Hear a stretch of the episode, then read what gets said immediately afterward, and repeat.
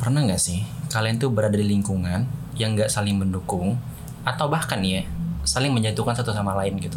Hmm, kalau yang lagi ngetrend sekarang sih katanya itu toxic environment. Oh, ada namanya ya? Bro, kalau gitu podcast nggak sih? Podcast boleh sih. Podcast nggak ya? Hmm, gimana ya? Eh, pod Podcast nggak sih? Gokil.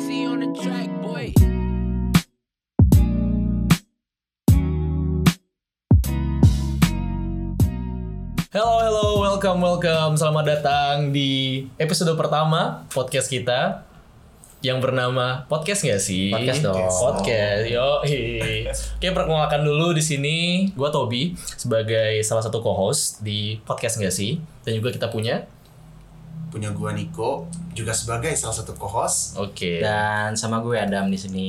Ya, Mungkin kalau kalian pernah dengar suara gue, berarti kalian pernah mendengar salah satu podcast yang terbesar di kota Palembang. Yo, Itu yang di katanya podcast yang Yoi. membahas hal-hal yang sangat menarik untuk kaum kaum hawa dan Kaum kaum kaum Hawa. Adam juga. Kaum Adam juga. Kaum Adam juga Adam pasti juga. ya. Oke. Dan gue mencoba untuk melebarkan sayap ya, untuk menginvasi podcast podcast di Palembang gitu. Hmm, jadi ini salah satu plan B atau gimana tuh? Lebih ke arah udah gak ngangkat aja yang dulu gitu. Udah nggak Udah ada. nggak ngangkat. Jadi ini butuh sesuatu yang fresh. Iya, butuh yang fresh. Sesuatu yang Nah, fresh. dengan konsep baru, dengan dengan jangkauan baru, project baru. Ah, Oke, ya, gas. mencoba untuk hal-hal yang baru lah di tahun baru ini gitu sih. Hmm, Oke, oke, oke.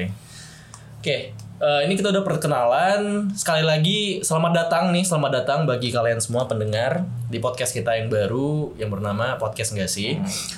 Oke, em, mungkin buat topik pertama kita di episode kali ini nanti deh nanti deh masuk topik gue mau ngobrol dikit dulu nih sama kawan-kawan yang lain biar kita saling kenal gimana nih Iya boleh. Sebenarnya kalau kita bertiga udah pada kenal Nah, ya. mungkin tapi pendengarnya Iya, juga. buat pendengar-pendengar mungkin kayak lebih enak kalau misalkan kita ngobrol-ngobrol santai dulu sebelum masuk ke topik boleh, nih. boleh. Mulai dari gue kali ya. Boleh, boleh. Oke, gue mau cerita dikit nih. Hmm. Eh, jujur jujur, gue belum pernah sama sekali ada pengalaman podcast nih bro. Iya, Gimana nih? Berarti gue di sini udah paling pengalaman. Iya, lo yang paling suhu nih di sini. Jadi intinya gini sih sebenarnya. eh, alasan pertama gue buat podcast sendiri itu yang paling penting karena gue tuh hobinya ngomong gitu. Oh, Pertama gue hobi ngomong terus kayak gue tuh banyak banget isu-isu yang pengen gue bahas tapi nggak bisa enggak seluruh teman-teman teman-teman gue tuh apa ya relate dengan isu yang gue pengen gue bahas itu. Makanya gue ya udah nggak masalah gue ngomong sendiri gue ngeluarin opini gue gitu loh. Baru melebar kayak gue ngajak teman gue ngobrol ngajak eh, siapa pun yang bakal gue interview. Misal gue pernah interview dosen gue sendiri gitu kan. Nah itu sih sebenarnya. Jadi mungkin ya sama mungkin kita memiliki keresahan yang sama ngebuat podcast ini karena kita punya segudang opini kita tapi Yes, kita tuh nggak yes. bisa melampiaskan itu yes, gitu. yes, yes, yes. salah kita satu nggak punya platform ya. of course. Jadi media kita ya podcast ini Podcast, gitu oke. sesimpel itu Itu alasan sih. pribadi Yes. lo sendiri Ah. buat mulai podcast. Ah, gitu. Kalau Niko kalau apa kok ada pengalaman podcast sebelumnya? Kalau gua sih gua nggak ada pengalaman podcast. Nggak ada. Baik itu podcast sendiri ataupun gua ngedengerin podcast tuh juga nggak pernah. Even podcastnya Adam pun gua nggak pernah. Nggak pernah denger. Yoi, fake friend. Fake friend. Gua cuma support tapi gua nggak tahu cara support. Nggak bisa, nggak bisa. Itu gimana? Fake gitu. friend, fake friend, nggak boleh. Kalian kita bertiga di sini teman dekat, tapi lo nggak nge-support. jangan-jangan Itu dia nggak denger friend. podcast ini juga ntar Gila, parah. parah. Nggak bisa, nggak Gua bisa. cuma nge-support post cuy. Nggak bisa oke kita cut sekarang guys. Eh, sekarang podcastnya cuma ada dua co-host, gua sama Adam, Niko udah keluar. Niko udah Niko udah, impostor ya iya udah keluar keluar nggak bisa fake friends. tapi seenggaknya lo mau mencoba lah ya Iya benar. Iya sih. Gue yakin gue kita udah kenal uh, satu sama lain lah. Kita punya segudang opini yang kayak butuh wadah untuk men- membicarakan itu sih. Karena kita ngerasa pernah kita kan misal kita nongkrong itu kita ngobrol kayak ngerasa nggak puas aja gitu. Kayak pulang-pulang tuh kayak masih ada apa ya? Masih ada beban yang masih kita omongin tapi nggak nyampe gitu. Hmm, kalau gue sih lebih lebih ke eh, apa ya? Gue lebih menyayangkan obrolan-obrolan obrolan-obrolan kita yang udah kita bicarakan di tempat tongkrongan. Tapi nggak ada- tapi ah. nggak ada nggak ada apa istilahnya yang pendengar yang Ya, lain. Bener-bener bener. Gue lebih pengen kayak pembicaraan kita tuh didengar oleh orang lain juga. Tapi ngomong-ngomong soal kita nongkrong sama teman ataupun kita nggak berbicara sama orang, gue pernah baca di salah satu di platform sosial media Twitter ada orang ngebuat thread gitu, dia nggak anon gitu, dia nggak anon dia real akun gitu. Dia ngebahas soal seberapa toksiknya lingkungan pertemanan, lingkungan keluarga yang dialami gitu.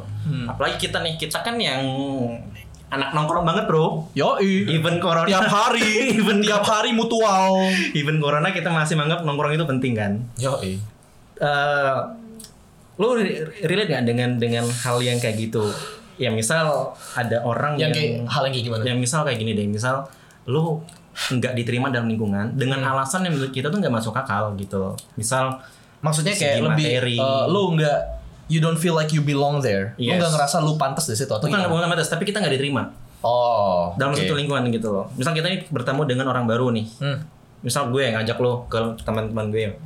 bisa dibilang sih kayak insecure gak sih kayak jadinya lo ngerasa kalau kayak ih kayaknya ada something di diri gue yang Hmm. nggak fit nih sama Oke. mereka yang nggak bisa fit in Oke, itu dari dalam diri lu tuh ya. Uh, Mungkin itu ngerasa output nggak sih? Output dari hasil dari ketika lo nggak ditol- nggak diterima dalam lingkungan atau Iya. gimana? jadi ketika kayak lo ngeliat respon dari orang terhadap diri lo sendiri Hmm. lo akhirnya ngeliat kayak mungkin gak ya dan mereka nih kayak gini ke gue ya karena gue nggak bisa fit in gitu kayak ada Oh. something di diri gue yang nggak bisa gue Berarti ya, berarti kita mengaminkan dong kalau emang circle tuh ada toksiknya gitu. Atau gimana? Circle yang toxic. Ini kita berbicara tentang apa nih? Tentang toxic environment atau gimana? Toxic lingkungan yang toxic gitu. Yang gue yang toxic even lo sama Berarti pacar lo, lingkungan sama keluarga, iya, Hmm. kerja gitu yang kita nggak bisa menutup mata gitu kan. Berarti kita kalau berdua mengaminkan nggak kalau emang setiap lingkungan tuh pasti ada toksiknya gitu. Pasti. amin sih kalau gue Ya, mengaminkan kan. karena kalau berdasarkan yang gue tahu juga dan yang gue alamin sendiri Hmm. menurut gue setiap lingkungan itu pasti ada toxic pasti ada Oke. Toxicnya itu maksudnya dari eh, dari keadaan atau dari oknum-oknum atau orang-orangnya atau memang dari keseluruhan udah toxic banget. sepengalaman gue, gue pernah ber eh, mendapati lingkungan yang cukup toksik sih ketika kayak gue udah mencoba untuk beradaptasi nih dengan orang-orang tersebut, dengan orang-orang tersebut, tapi pada ujungnya ki- eh, gue masih mendapatkan respon yang kurang baik, bahkan ya nggak ada respect sama sekali sama gue gitu. Aha. Nah itu kan pilihan nih, pilihan gue untuk mau ngelanjutin atau enggak ketika gue ngerasa udah nggak ada respect. Hmm. Beda sama halnya ketika lo itu kebutuhan. Misal kayak lo nih kalau lo pengalaman di dunia kerja, lo nggak mungkin dong ketika lo nggak dapat ris- nggak dapat eh, apa ya sambutan baik dari lingkungan lo yang berjiwa kompetitif, yang berjiwa saling menjatuhkan, lo nggak mungkin meninggal karena itu kewajiban lo untuk menanggung kebutuhan. Kalau lo menanggapi itu gimana sekiranya? ya kalau menurut gue sendiri dalam dunia kerja ya khususnya kan kita nggak bisa memutuskan dengan mudah bahwa oh ini toxic so gue harus keluar itu nggak bisa kayak gitu Yes. karena seberapa toxic pun lingkungan kerja lo lo harus turun ke situ karena itu adalah suatu kebutuhan dan suatu kewajiban, yang harus Kewajiban yang lo pasti jalanin. kewajiban. Iya. Eh, cuman ya sesuai dengan pertanyaan lu tadi, menurut gua sih sebetulnya ya hal dasar yang membi yang me- men-trigger bisa sampai adanya toxic itu sebetulnya mindset sih. Mindset. Kalau di lingkungan kerja, kalau gua lihat ketika seseorang punya mindset, oh, gua harus lebih baik nih, gua harus Oke. better dari si A dari si B. Nah, dengan adanya mindset seperti itu, kan sebenarnya ada dua nih mindset. Kalau kalau dari gua ya, kalau dari perspektif gua, ketika gua masuk ke dunia kerja, lu bisa pilih, lu mau ngelihat rekan kerja lo itu sebagai partner kerja sama untuk mencapai tujuan, atau lu ngelihat mereka Sebagai rival. kompetitor. Oke. Sebagai, oh ini saingan gua, Yes, gua yes, harus rival. ngelakuin A, B, C, D untuk ngejatuhin dia. Yes. Intinya lu mau sampai ke goals itu sendirian atau bareng-bareng sama yang lain.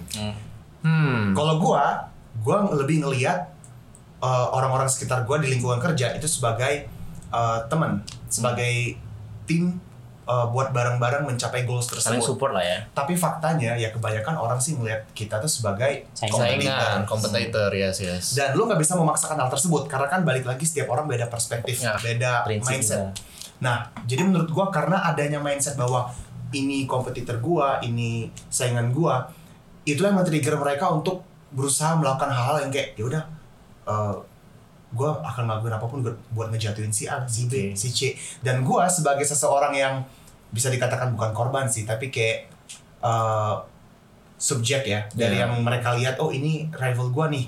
Ya, pilihan gua cuman ada dua. Either gua cuek aja atau gua harus ngebales gitu loh. Oke. Nah, cuman faktanya kan itu balik lagi ke Oke. individu masing-masing. Oke. Cuma kalau dari gua sendiri sih gue ikutin aja dulu aja flow-nya gitu ya. gimana. Oke, sedikit nih.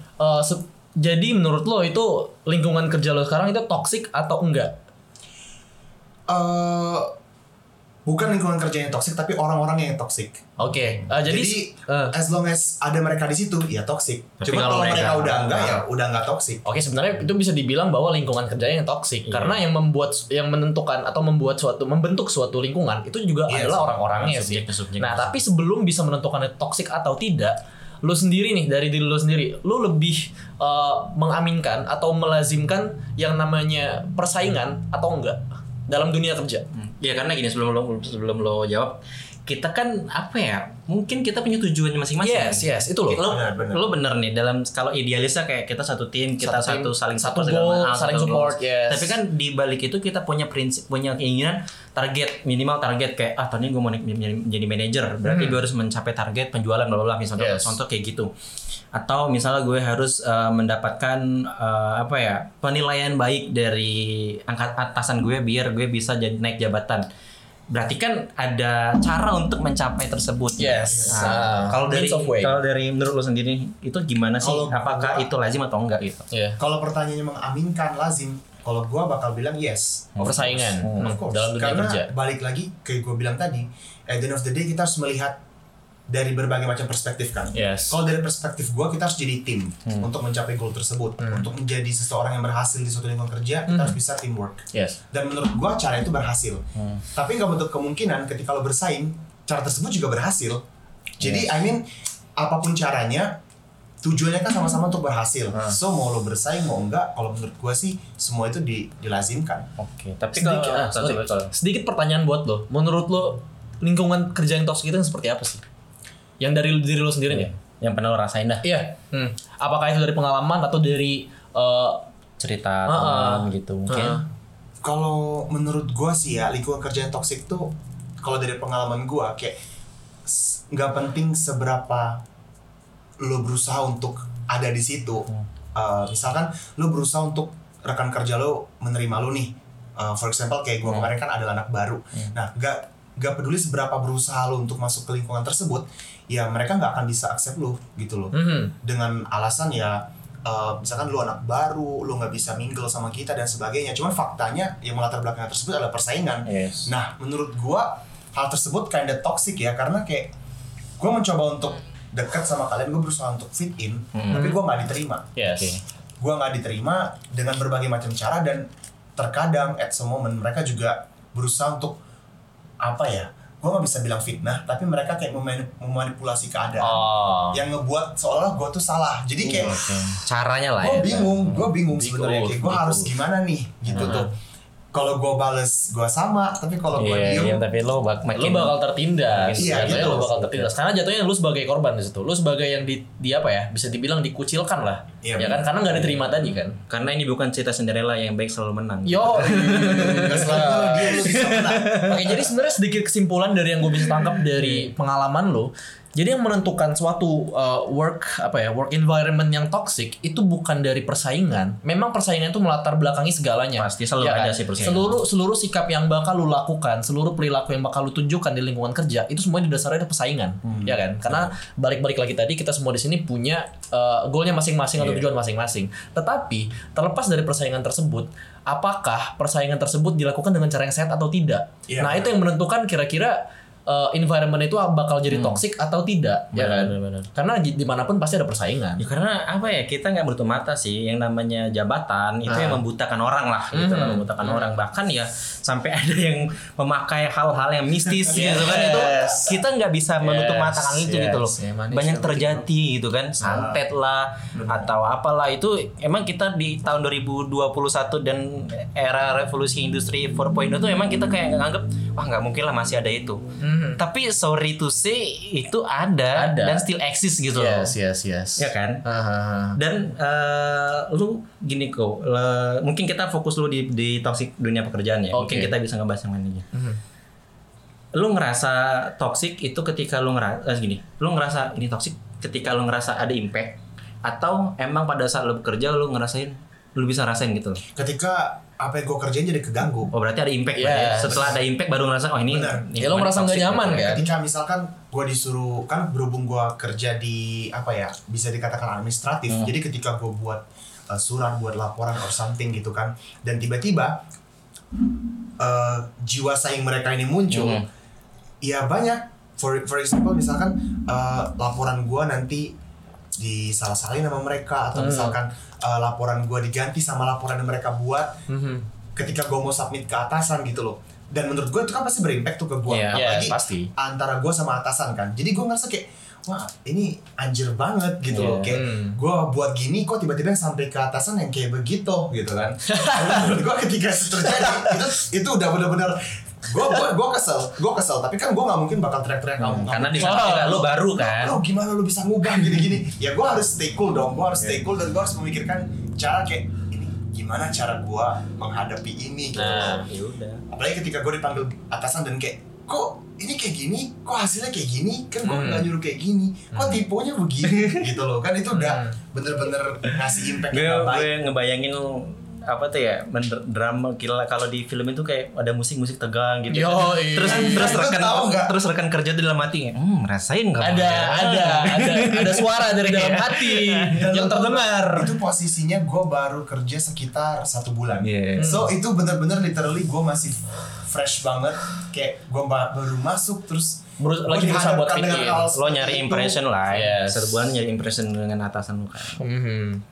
oke menarik sih emang dunia kerja itu emang udah pastilah cerita siapa pun tuh pasti, Pasti mau itu ada yang, heeh. birokrasi mau Yes, itu yes. swasta mau itu startup ah, apa pun namanya pasti persaingan akan berujung menjadi toksik Yes, ketika emang yes. persaingan itu bersifat tidak sehat Tapi Apa? ya menurut gue sih ada sedikit ini ya, ada sedikit pembatasan ya menurut gue kayak eh, untuk menentukan suatu lingkungan itu toksik atau tidak, terlepas dari itu lingkungan kerja maupun keluarga maupun dari pertemanan, eh, kita nggak bisa secara gamblang eh, menentukan bahwa ah lingkungan gue toksik.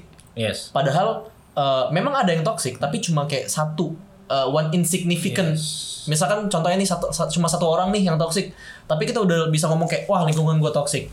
Harus ada pembatasan juga nggak sih kayak jangan sampai cuma gara-gara ada satu tindakan atau satu orang yang memang benar-benar toksik, kita malah jadi terlalu bias menganggap bahwa oh lingkungan gue toksik. sebenarnya kayak gitu ben eh, ini ya benar eh, gini mas maksud lu maksud gue tuh benar eh, yang lo ucapin terkadang tuh kita harus mengevaluasi diri kita juga gitu Yes, yes. jangan sampai kita tuh menjadi victim blaming gitu Iya, kan iya, iya, iya, iya. karena itu sering terjadi gitu di Iya, kota-kota iya, iya. besar yang pastinya ya kan Aha. padahal emang diri kita yang kerjanya misal dalam dunia kerja kita nggak bener misal dalam dunia pertemanan kita yang terlalu ego misal dalam pacaran kita yang terlalu posesif Hmm. Iya. atau dalam keluarga kita yang terlalu menuntut misal iya, seperti iya. itu Terus kita jadi play victim. nah jadi kita paling victim kayak eh, ngerasa ya gue link toxic bro Iya. aduh gue mental health banget ini kan zaman zaman sekarang kan Yoi, mental health tuh lagi lagi apa tuh lagi Stress. jadi apa ya jadi passion lah mungkin ya Depression. Iya, gue orang gue orangnya apa sih namanya tuh eh, apa bro kalau kalau kita lagi suka sendirian tuh?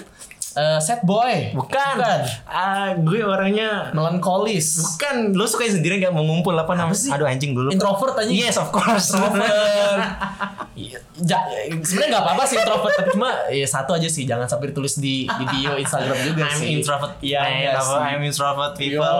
Yoi. Oh my god. Bio nih introvert. Iya. Nah, Judging. jadi menurut gue Judging. ketika emang lo ngerasa lingkungan itu toksik, oke lo bisa lo bisa me- mengaminkan itu dulu. Tapi Ah. di sisi lain lo juga harus mengevaluasi diri lo sendiri. Hmm. Lo harus me- apa ya me- menjadikan misal lo lo ada problem sama teman lingkungan di teman pertemanan lo, Hmm. lo juga harus eh, apa ya nurunin ego lo lo bener salah atau enggak atau emang Yes, yes. lingkungan yang lingkungannya yang salah gitu sih menurut gue. Ya eh, lebih ke berusaha eh, untuk apa ya memperluas jangkauan ini loh jangkauan apa pandangan lo lebih ke eh, trying to see it from the bigger picture Oke. jangan sampai lu cuma memandang dari sudut eh, sudut pandang lo sendiri tapi lu juga harus bisa eh, memposisikan diri lu di posisi orang lain Iya memperlebar spektrum dan Yes. dalam lo permasalahan Yes, sih yes, sebenarnya. aha. Karena jatuhnya lo ego banget ketika uh, lo hanya merasa lo yang bener gitu kan. Hmm. Tapi kalau prinsip gue nih, gue kan emang apa ya ngerasa kayak punya punya prinsip gini. Toxic itu uh, gue baru sadar itu toxic ketika gue baru keluar dari lingkungan itu. Hmm. Oh Contoh dalam dunia pacaran. misal. oke ketika lo lagi pacaran, ketika lo lagi sayang-sayang sama tuh cewek, Yoi. ketika lo lagi kesem-sem banget sama hubungan lo, lo pasti ngerasa apa yang lo katain tuh bener semua bro. Yoi. Di saat teman-teman lo ngingetin, cuy lo tuh salah deh kayak gini, Mhm, lo kok eh, sampai segitunya sih sama cewek sampai ngeluarin budget segede itu Hmm. enggak bro gue emang sayang sama tuh orang gue gini gini gini Hmm. tapi di satu lain eh, temen lo ngelihat itu bukan hal yang bener gitu loh Hmm. Nah kapan gue, lo bisa ngerasa eh, itu toksik ketika lo putus dari pasangan lo Hmm, lu baru sadar. Baru sadar kan, Aftermath-nya lu baru kerasa. Of situ. course, jadi kayak ketika wah iya sih, kok gue kemarin gitu banget ya sampai Iya. tahan nggak kuliah, tahan bolos kuliah untuk eh, nemenin pacar gue beli baju, misal Mhm, gue tahan bohong sama orang tua gue biar bisa eh, beli ini ini. Itu kan menurut gue tuh toxic ketika eh, itu kenapa toxic ketika lu sadar baru nyadari kalau lingkungan lu sebenarnya toxic dan pacar lu toxic gitu. Oke. Lo pernah uh, nggak tahu ya kalau dalam hidup lo sendiri memandang dalam nih, mungkin kita udah bergeser nih toxic dalam hubungan pacaran nih Uh, memandang itu sendiri gimana? Apa kalau mungkin memiliki memiliki prinsip kayak ya gue kayak nggak bisa deh kalau di toxic atau lu bakal no anti toxic gue bakal sadar sebelum gue putus gitu. Hmm. Kalau sendiri gimana? eh gimana ya? Kalau gue sendiri sih, gue tipe orangnya yang bisa dibilang gue sering melakukan evaluasi uh, in midway. Jadi misalkan nih, gue lagi menjalin suatu hubungan, gue nggak bakal uh, cuma ngadain evaluasi tuh cuma di kayak di penghujung doang kayak ya sebenarnya nggak mungkin juga ya kita mengadakan evaluasi di penghujung hubungan karena karena udah selesai juga. Iya kan? udah selesai juga dan Apa juga kadang lu nggak tahu apakah Nah. itu benar-benar ujung atau enggak. Tapi itu sih yang gue eh, sering lakukan selama ini. Gue sering mengev- mengevaluasi diri gue sendiri atau juga mengevaluasi pasangan gue. Terlepas dari itu gue eh, mengevaluasi sendiri atau kita sama-sama nih eh, kayak buka suatu obrolan yang ben- yang benar-benar kayak ah, kita kayaknya harus evaluasi diri satu sama lain gitu kan.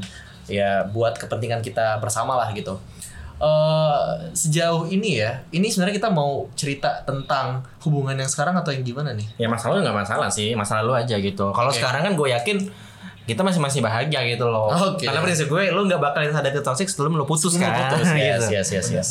Tapi sih sejauh ini eh, kalau dari pengalaman gue ya, eh untuk hubungan gue yang sekarang mungkin bisa dibilang gue masih belum menemukan toksiknya ya. Yes. Gue masih belum menemukan toksik. Insya Allah nggak ketemu. Insya Allah nggak Semoga, toksik. Semoga. semoga. Amin. Semoga Semoga, enggak sampai nggak juga sih. Nah, Sampai tapi gue juga gue juga punya pengalaman ya sebenarnya tentang hubungan yang toksik. Eh sebenarnya gue juga nggak terlalu pengen ngobrolin tentang ini sih, tapi menurut Tapi harus gue harus lo ngobrolin. Iya, menurut menurut gue ini salah satu pengalaman yang harus Iya. sedikit di sharing lah. Kalau lo nggak share pengalaman mau cerita apa kita podcast ini gitu, bro. kita cerita tentang game. Oke, eh, ini terjadi sebenarnya udah lumayan lama ya, mungkin sekitar tahun 2018 kali ya, 18. iya, 18, kayaknya 18. 18, kayak sih 2018. Yes, 18. Ah, 2018. Eh, ini salah satu hubungan yang menurut gua gua ngerasa toksik. Tapi bener kata lu, pada saat itu gua ngera gua gua nggak ngerasa gua di suatu hubungan yang toksik. Mm. Gue baru sadar setelah ya Mau keluar. hubungannya udah nggak ada lagi gitu kan. Gue udah nggak nggak sama dia lagi. Gue baru ngerasa kayak wah kok kayak gini ya. Kok bisa sampai akhirnya kayak gini. Setelah gue pikir-pikir lagi, eh, ternyata memang gue nggak mau menyalahkan dia, nggak mau menyalahkan orang itu. Gue juga sadar, gue juga punya apa ya? Gue juga punya kesalahan. Nggak bisa gue bilang eh, ini sepenuhnya kesalahan dia, semuanya gara-gara dia, dia yang toksik, gue yang baik nggak. Gue juga punya kesalahan. Tapi menurut gue sih, eh, kenapa bisa eh menurut gue hubungan itu toksik? Karena semuanya juga berawal dari dia. Gue sih bi- bisa bilang kayak gitu. Walaupun bukan sepenuhnya salah dia, tapi semuanya berawal dari dia. Eh gue kasih sedikit ini aja deh, sedikit contoh eh, kenapa bisa gue bilang toksik. Eh gue nggak pernah namanya ngerasa eh gue yang apa sih? Eh gue yang lebih Dominan. aktif di situ, iya. Gue yang lebih aktif. Gue nggak pernah ngerasa gue yang pasif. Bukannya gue nggak mau aktif, gue pengennya jadi seorang yang pasif. Gue jadinya seorang yang menerima atau yang apa ya, yang mengikuti. Sebenarnya gue sih kalau dalam hubungan gue pengennya gue yang alpha, gue yang alpha male, gue yang dominan. Tapi gue juga pengen sekali-sekali merasakan adanya timbal balik gitu Oke. dari dari dari dari segi itu ya dari segi eh, bukan bukan apa sih bukan bukan treat bukan perhatian tapi lebih ke kayak Dalam menjalin hubungan tuh Yes. lo punya role sebagai alpha dalam hubungan gue ini. pengen ngerasa bahwa bukan cuma gue yang berjuang gitu loh. Gue pengen ngerasa Sama-sama bukan, ya. bukan cuma gue yang mempertahankan tapi gue juga pengen gue juga ngerasa dipertahankan dan diperjuangkan. Gitu sih. Ya tapi apa toksiknya Nah itu itu sebenarnya secara secara umum secara umum gue bisa bilang itu toksik kenapa? gue nungguin Eh, anjing saat- tadi Di saat di saat di saat Oke, lo nggak diperjuangkan, Iya. lo ngerasa bahwa hubungan itu toksik nggak?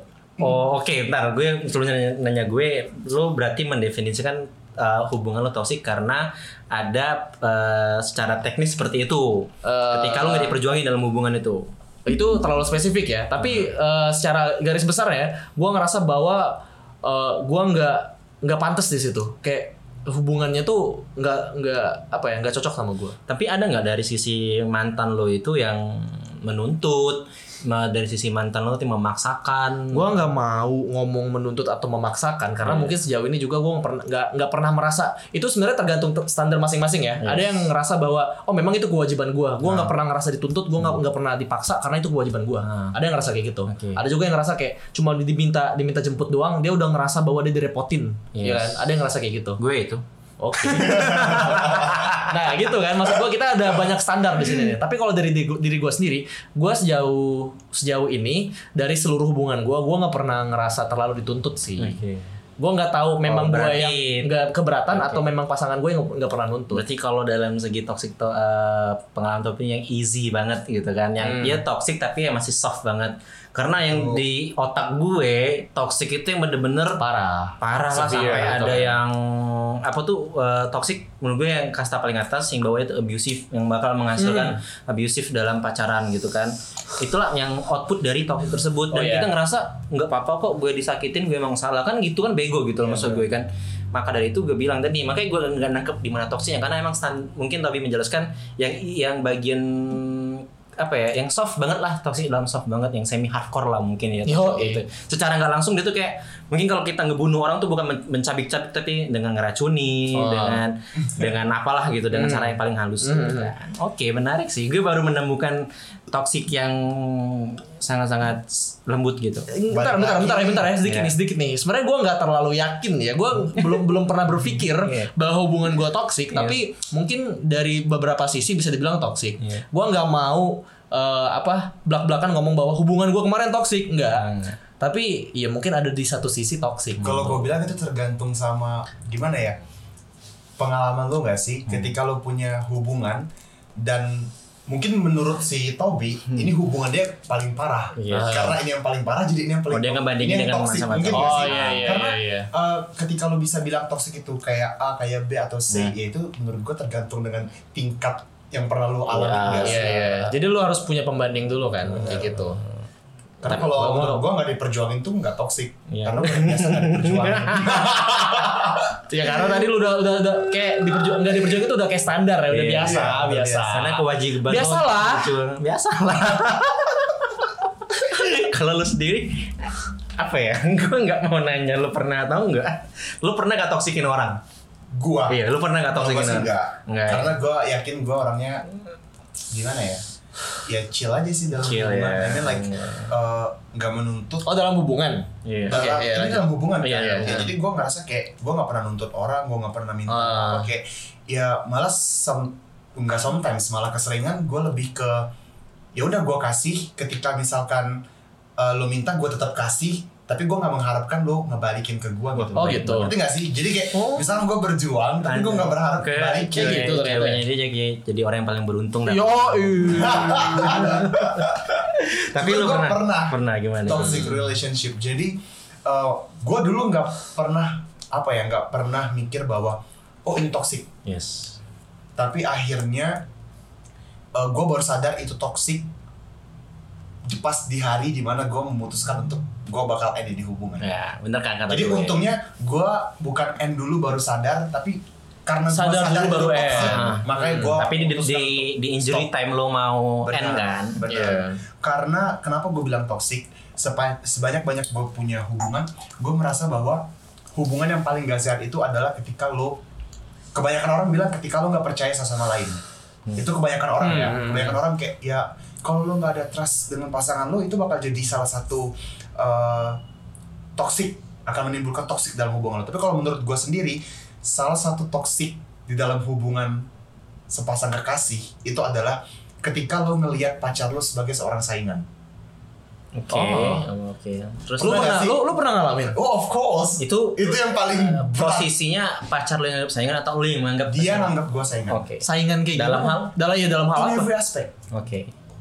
Dan yang parah gini loh, kayak gue tau posisi pacar gue tuh gimana. I mean like eh, mantan gue ya. Jadi gue tau posisi dia tuh misalkan kayak gue bukan melihat status atau apa, tapi gue tau bahwa oh gue compare lo status gue tuh lebih tinggi sebenarnya. Oke. Tapi gue gak pernah mikir kayak gitu. Nah, tapi gua mencoba untuk mengimbangin lo dia, gitu. Dari dia, dia pengen buat gue merasa bahwa oh status lo tuh lebih rendah dari gue.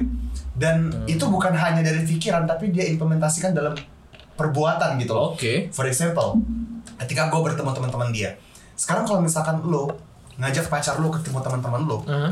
yang lo pengen lakuin adalah lo bisa mungkin ngasih tau pacar lo bahwa pacar lo diterima di lingkungan teman-teman lo. Yes. Itu bakal jadi pemikiran kita kan. Aha. I mean like gue ngajak pacar gue, jadi yang ada di otak gue sebagaimana mungkin gue ngebuat pacar gue ngerasa Blend diterima in. Yes, sama yes. Nah, kalau dia beda.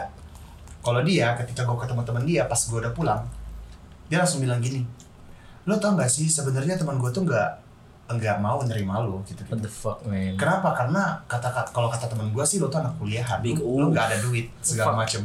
Big. Dan lo bisa bayangin gak sih posisinya gue gimana? Dan Oke. posisinya gue tahu kayak teman-teman dia tuh gimana. Jadi kayak gue kayak oh oke oke. Gue cuman kayak gue awalnya gue mikir kayak oke ini bukan bukan toks ini nggak toksik. Awalnya gue mikir kayak oh mungkin dia emang orangnya suka kayak gitu. Mungkin dia terlalu jujur orangnya. Jujur atau terbuka ya? Terbuka, jujur atau terbuka. Nah cuma makin lama makin lama gue mikir kayaknya oh ini udah gak benar. Hmm. Karena setiap tanggapan yang gue dapat dari dia itu negatif. Jadi Setiap lu ngumpul gitu ya. eh, intinya setiap apalagi kayak misalkan kita berantem, Hmm. lu pernah ngebayangin nggak pacar lo selingkuh? Hmm. Ini mantan gue selingkuh. Gue marah tuh dia selingkuh. Gue berharap ketika gue selingkuh balik dia marah. Jadi gue coba selingkuh balik. Dan lo tahu ketika gue selingkuh balik dia bukannya marah, dia malah nge-compare. Hmm.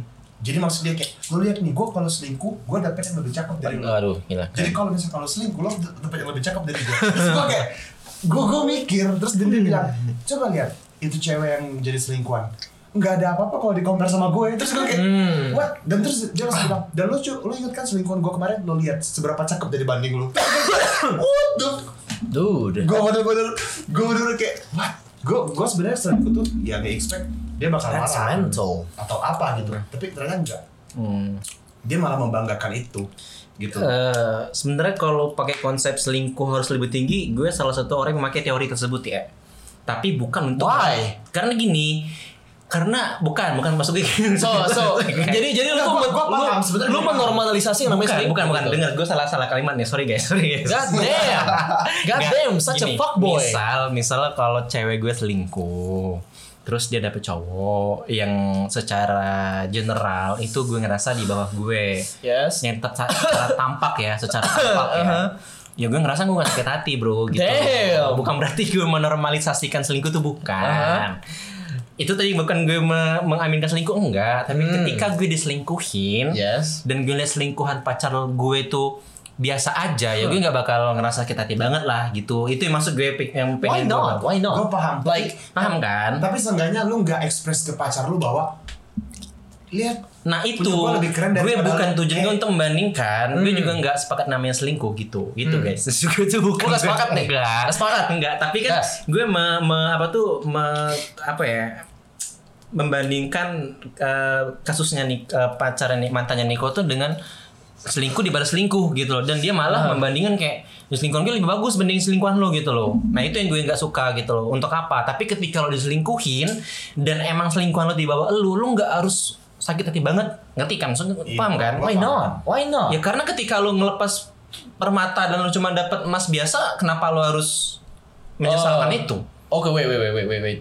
Eh, Oke, gue terima kalau yang masalah Ah. itu, tapi lebih ke menurut gue sih ya dari sudut pandang gue selingkuh itu bukan terkait eh, selingkuhannya itu lebih ganteng atau lebih lebih lebih jelek atau gimana, tapi lebih ke the concept of betrayal, of you know. course I know Iya. Lu di lu di situ. Benar, benar. Ya. Cuman cuman kan baik lagi. Kalau gue sih lebih nekenin bukan ke masalah selingkuhnya sih yang tadi gue sampaikan Iya, gue lebih nekenin ke respon Ya, respon. kayak gue nggak gue nggak pernah sedikit pun terlintas di pikiran gue bahwa oh dia bakal ngeresponnya kayak gini Nah. gitu loh Berarti sorry gue nanya ya, berarti lu selingkuh sengaja?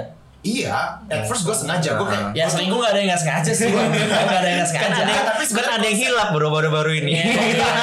Yo, Enggak, tapi kalau kalau gue sebenarnya gue Dua tahun lagi hilap. gue God damn. berusaha untuk uh, selingkuh itu adalah uh, dengan alasan bahwa gue pengen kayak oh gue pengen buat lu ngerasain ini rasa diselingkuhin itu sakit segala macam. Ternyata respon yang gue dapet oh lu bukan Ya. sakit. Lu malah Membandingkan. malah lebih ngejatuhin jadi ya Dude, that is that is very semakin gue sama dia semakin gue ngerasa mental gue tuh di dijatuhin kayak harga diri gue tuh dijatuhin. Tapi bukan dengan tindakan so dengan kata-kata terus I mean kalau tindakan tuh bukan dipukul ya kalau dipukul kan sometimes juga Tapi kita ngerasa kayak decision harga diri dia. kita Hmm, dijatuhin. Yes, yes, Hmm, yes, tapi yes. dari segi cara dia ngomong dari perbuatan dia Responnya lah ya. dari Ah. respon-respon dia somehow gue mikir kayak wah ini ini gue ngerasa nggak benar sih ini nggak benar terus eh, dia suka nge-comparein masalah duit for example kayak oh teman-teman gue tuh berduit semua gini gini Hmm. gini ya gue kan nggak peduli duit duit temen lo gitu kan dan menurut gue juga lo kenapa harus ngebanggain duit duit temen lo yang harus lo banggain kan duit lo sendiri Hmm. gitu loh jadi gue sebenarnya nggak itu menurut gue udah aneh banget sih Iya aneh banget sih. Menurut gue juga kayak eh, hubungan lu tuh yang bener-bener kayak yang menurut gue cuma bisa ditemukan di kayak di film, di serial gitu. Soalnya menurut gue emang itu aneh banget. Antagonis like, banget ya. Iya, like gue nggak gue nggak gue nggak paham tentang konsep pacaran kalian yang yang bisa dibilang menor- menormalisasi yang namanya selingkuh dan juga eh, lu dengan pasangan lu tuh bersaing dan juga saling menjatuhkan karena ya hubungan macam apa sih yang Hmm. yang kayak gitu menurut gua kan menurut gua sih itu juga a whole new level of toxic nggak bisa gua. nggak bisa dibilang itu hubungan kalau ketika konsep seperti itu. Yes, yes, yes, yes. Dan pertanyaan juga kayak, why are you guys still together? Yes. Like, ngap, kenapa Seberapa- kalian masih bertahan? Kenapa lu masih? lama? Sorry. Heeh, setahun Wah. satu tahun. Lu sadar? Toksiknya udah dimulai sekitar empat bulan sih. Oke, lu udah sadar. Ntar, tadi kan lu bilang bahwa lu udah ngerasa itu toxic itu sebelum lu putus. Lu titik lu sadar bahwa itu toxic itu kapan? Pas kapan? Pas kapan ya? Pokoknya pas eh, ban nggak banyak sih sebenarnya gue sadar itu toksik ya ketika salah satu tadi itu contoh Hmm. pas masalah selingkuh. Ya.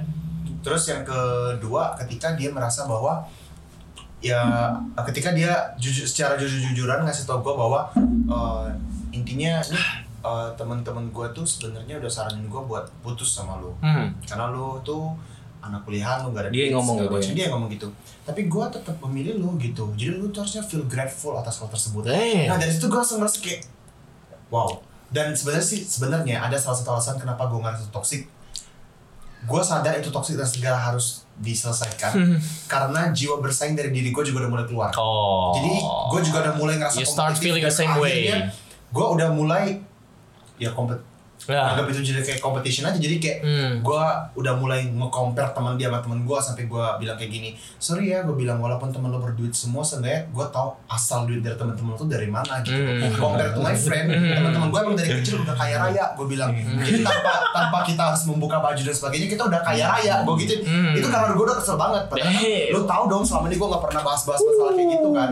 Nah karena jiwa kompetitif gue udah keluar akhirnya gue keluar juga kata-kata yang kayak Hmm. gitu Dan itu uh, lu masih memutuskan buat melanjutkan hubungan atau enggak? setelah gue ngomong kayak gitu gue udah mulai mikir wah ini kayaknya lama-lama sifat gue yang gue nggak mau keluarin Itu keluar sendiri. even kan i- eh, kita pasti punya dark side lah setiap orang guys. Iya. dan ada yang Hmm. memutuskan untuk mengeluarkan ada yang mau memendam kalau gue kan tipikalnya yang memendam Hmm. nah jadi ketika gue ngerasa sisi gelap itu udah mulai timbul ya itu tadi kesombongan kayak Hmm. ya ketika lo bilang lo kaya raya segala macam kan berarti lo udah mulai sombong Hmm. Nah, gue nggak mau kalau itu jadi kebiasaan. Makanya kayak gue harus stop. Karena gue nggak pernah kayak gini dan gara-gara Ya. toxic, akhirnya gue jadi Oke, trigger oke, buat oke, ngelakuin oke. hal yang sama. gitu. Oke oke dia Makanya memancing iya iya dia memancing buat mengeluarkan sifat-sifat buruk lo kan yang harusnya nggak keluar pada saat itu. Makanya gue jadi stop. Oke tapi ini gue mau sedikit ngasih apa ya ngasih sedikit exposure bahwa yang gue tangkap dari tadi itu toxic yang kita bilang itu selalu toxic yang negatif ya kan kita selalu mengatakan bahwa sesuatu yang buruk itu memang toxic tetapi eh, kita juga harus sadar bahwa di sini eh, akan ada akan adanya sebuah term yang bernama toxic positivity. Udah pernah denger sebelumnya? Pernah sih, cuman secara langsung gue belum pernah ngalamin itu. Hmm, toxic positivity. Oh, kalau dari menurut kalian sebelum gua sebelum gue jelasin eh, menurut kalian toxic positivity itu yang kayak gimana sih? Kalau menurut gue itu bisa jadi yang pengalaman Niko tuh menjadi toxic positivity. Andai Apa tuh? di konteks yang benar, misal dalam segi akademis, Hmm. segi pekerjaan, mem- memacu kita agar menjadi lebih baik lagi. Mungkin seperti itu ya, Pak. Oh, Maksud gua ketika oke. uh, menjadikan apa ya tamparan-tamparan untuk kita membenahi diri gitu. Nggak tahu ya kalau menurut gue sih gitu. Ah. kan di di kasusnya Niko itu konteksnya salah karena itu balik-balik materi dan juga itu bukan punya dia punya orang lain juga kan. Tapi misal kalau di di balik misal konteksnya kayak eh, teman-teman kamu itu udah udah pada lulus loh. Masa kamu belum sih? Hmm. mungkin bagi bagi itu kan salah satu kayak tekanan. tekanan gitu pr- pressure kita untuk cepat lulus gitu. Yes, emang kamu yes, nggak yes. malu apa sama teman-teman aku kak? Teman-teman aku udah lulus kamu belum lulus. Misal contoh kayak gitu kan jadi ya menurut aku uh, mungkin itu salah satunya salah satunya tapi kalau untuk secara yang valid atau bener ya gue belum pernah ngerasain juga gitu Oke, wait. Sebelum sebelum kita bahas lebih lanjut, eh, mungkin gue tangkap dari apa yang lo bilang barusan itu lebih ke eh, dampak dari toxic ya. outputnya ya Output dari toxic. Oke. Jadi sebenarnya toxic positivity itu bukanlah output, tapi eh, melainkan salah satu salah satu sumber yang menjadi yang bisa dibilang sesuatu yang toxic. Contohnya misalkan kayak gini. Kalau negatif yang toxic itu yang seperti itu tadi, kayak eh, lu kapan sih lulus? hmm. Lu udah berapa tahun lu? Berarti itu termasuk, termasuk negatif masih Yes, yes, itu masih termasuk Oke. negatif karena itu lebih apa ya, lebih memberikan tekanan, ya kan? Kayak itu salah satu contohnya. Nah, toxic positivity itu sebenarnya bisa dibilang adalah suatu eh, suatu perilaku atau sikap yang terlalu positif sehingga itu menjadi negatif. apa? As such, contoh, lu lagi berada di suatu keadaan yang bener-bener parah, tetapi ada salah satu orang, eh, bisa mungkin bisa kita posisikan sebagai teman lu nih misalkan, temen lu, eh, dia tahu betul tentang keadaan yang lu sedang alami, tapi dia masih masih berusaha mati mati-matian buat stay positif. For example, oh lu lagi sakit, lu lagi sakit parah, lu lagi nggak punya uang, dan lu bingung sekarang mau ngapain. Tapi di sini temen lu hadir, itu dia yang muncul dari kata-kata dia itu lebih kayak, udah nggak apa-apa, ini semua bakal nggak apa-apa, baik-baik aja. Dia Oh, berusaha buat suportif, paham, paham, paham, dia berusaha buat suportif, tapi dia, but, he- but he's not being realistic. kalimat yang kayak yuk bisa yuk Nah, itu yang maksud gue lebih ke toxic positivity. oke. Yuk bisa yuk bisa yuk. Nah, iya semangat, semangat, semangat. Padahal udah jelas-jelas banget kita udah nggak bisa lagi. Iya, gitu oke, ngerti nggak? oke, oke. Not being realistic. Oh, berarti cuma dari overly. kalimat dong gitu. Yes, nggak juga sih. Nah. Tapi lebih ke perilaku dan sikap juga bisa kan. Tapi intinya overly positive, not being realistic anymore, itu bisa dianggap sebagai suatu, sesuatu yang toxic positivity. Oke. Nah, ini ada sedikit korelasinya dengan yang namanya uh, itu tadi toxic environment. Jangan cuma kita bilang bahwa toxic environment itu yang ngata-ngatain, yang gak menerima lu, yang fitnah-fitnah segala macem. Tapi lu juga harus tahu, kalau misalkan teman-teman lu itu overly positive, terlalu suportif, bahkan yang kayak nggak mau tahu seburuk apa keadaan lu, mereka masih berusaha kayak udah itu lu tuh nggak apa-apa, lu tuh santai aja. Gue pernah lebih parah. Nah itu salah satunya. Itu salah satu kata yang menurut gue itu toxic positivity. Di saat lu dibanding-bandingkan kayak kayak udah lu tuh nggak apa-apa, gue lebih parah lu. Wah lu baru cuma jatuh doang. Gue udah pernah masuk ke jurang bro gitu. Gue gue masih gitu sampai sekarang. Nah itu yang menurut gue toxic positivity. Bisa. Jadi jangan sampai kita terlalu bias dengan toxic yang negatif, tapi positif juga bisa Tapi toxic. ujung-ujungnya outputnya juga masih sama jelek kan. Yes. Iya, Nah itu tadi makanya dia bisa dibilang positif karena outputnya sudah pasti jelek. Nggak mungkin ada toxic yang outputnya bagus. Tergantung dari cara kita, cara kita menyikapi toxic tersebut. Oke. Itu balik-balik dari orangnya sendiri kan. Gitu. Yuk, terus bisa. kalau lo selingkuh dua Ah. tahun dan lo bilang nggak apa-apa itu hilaf itu toxic Itu toxic. Baiklah, terima kasih sudah mendengarkan episode ini. Dan jangan lupa follow sosial media kami di Instagram @podcastngasih dan dengarkan juga episode menarik lainnya di Spotify. Cari aja pasti ketemu di podcast gak sih. and see you guys in the next episode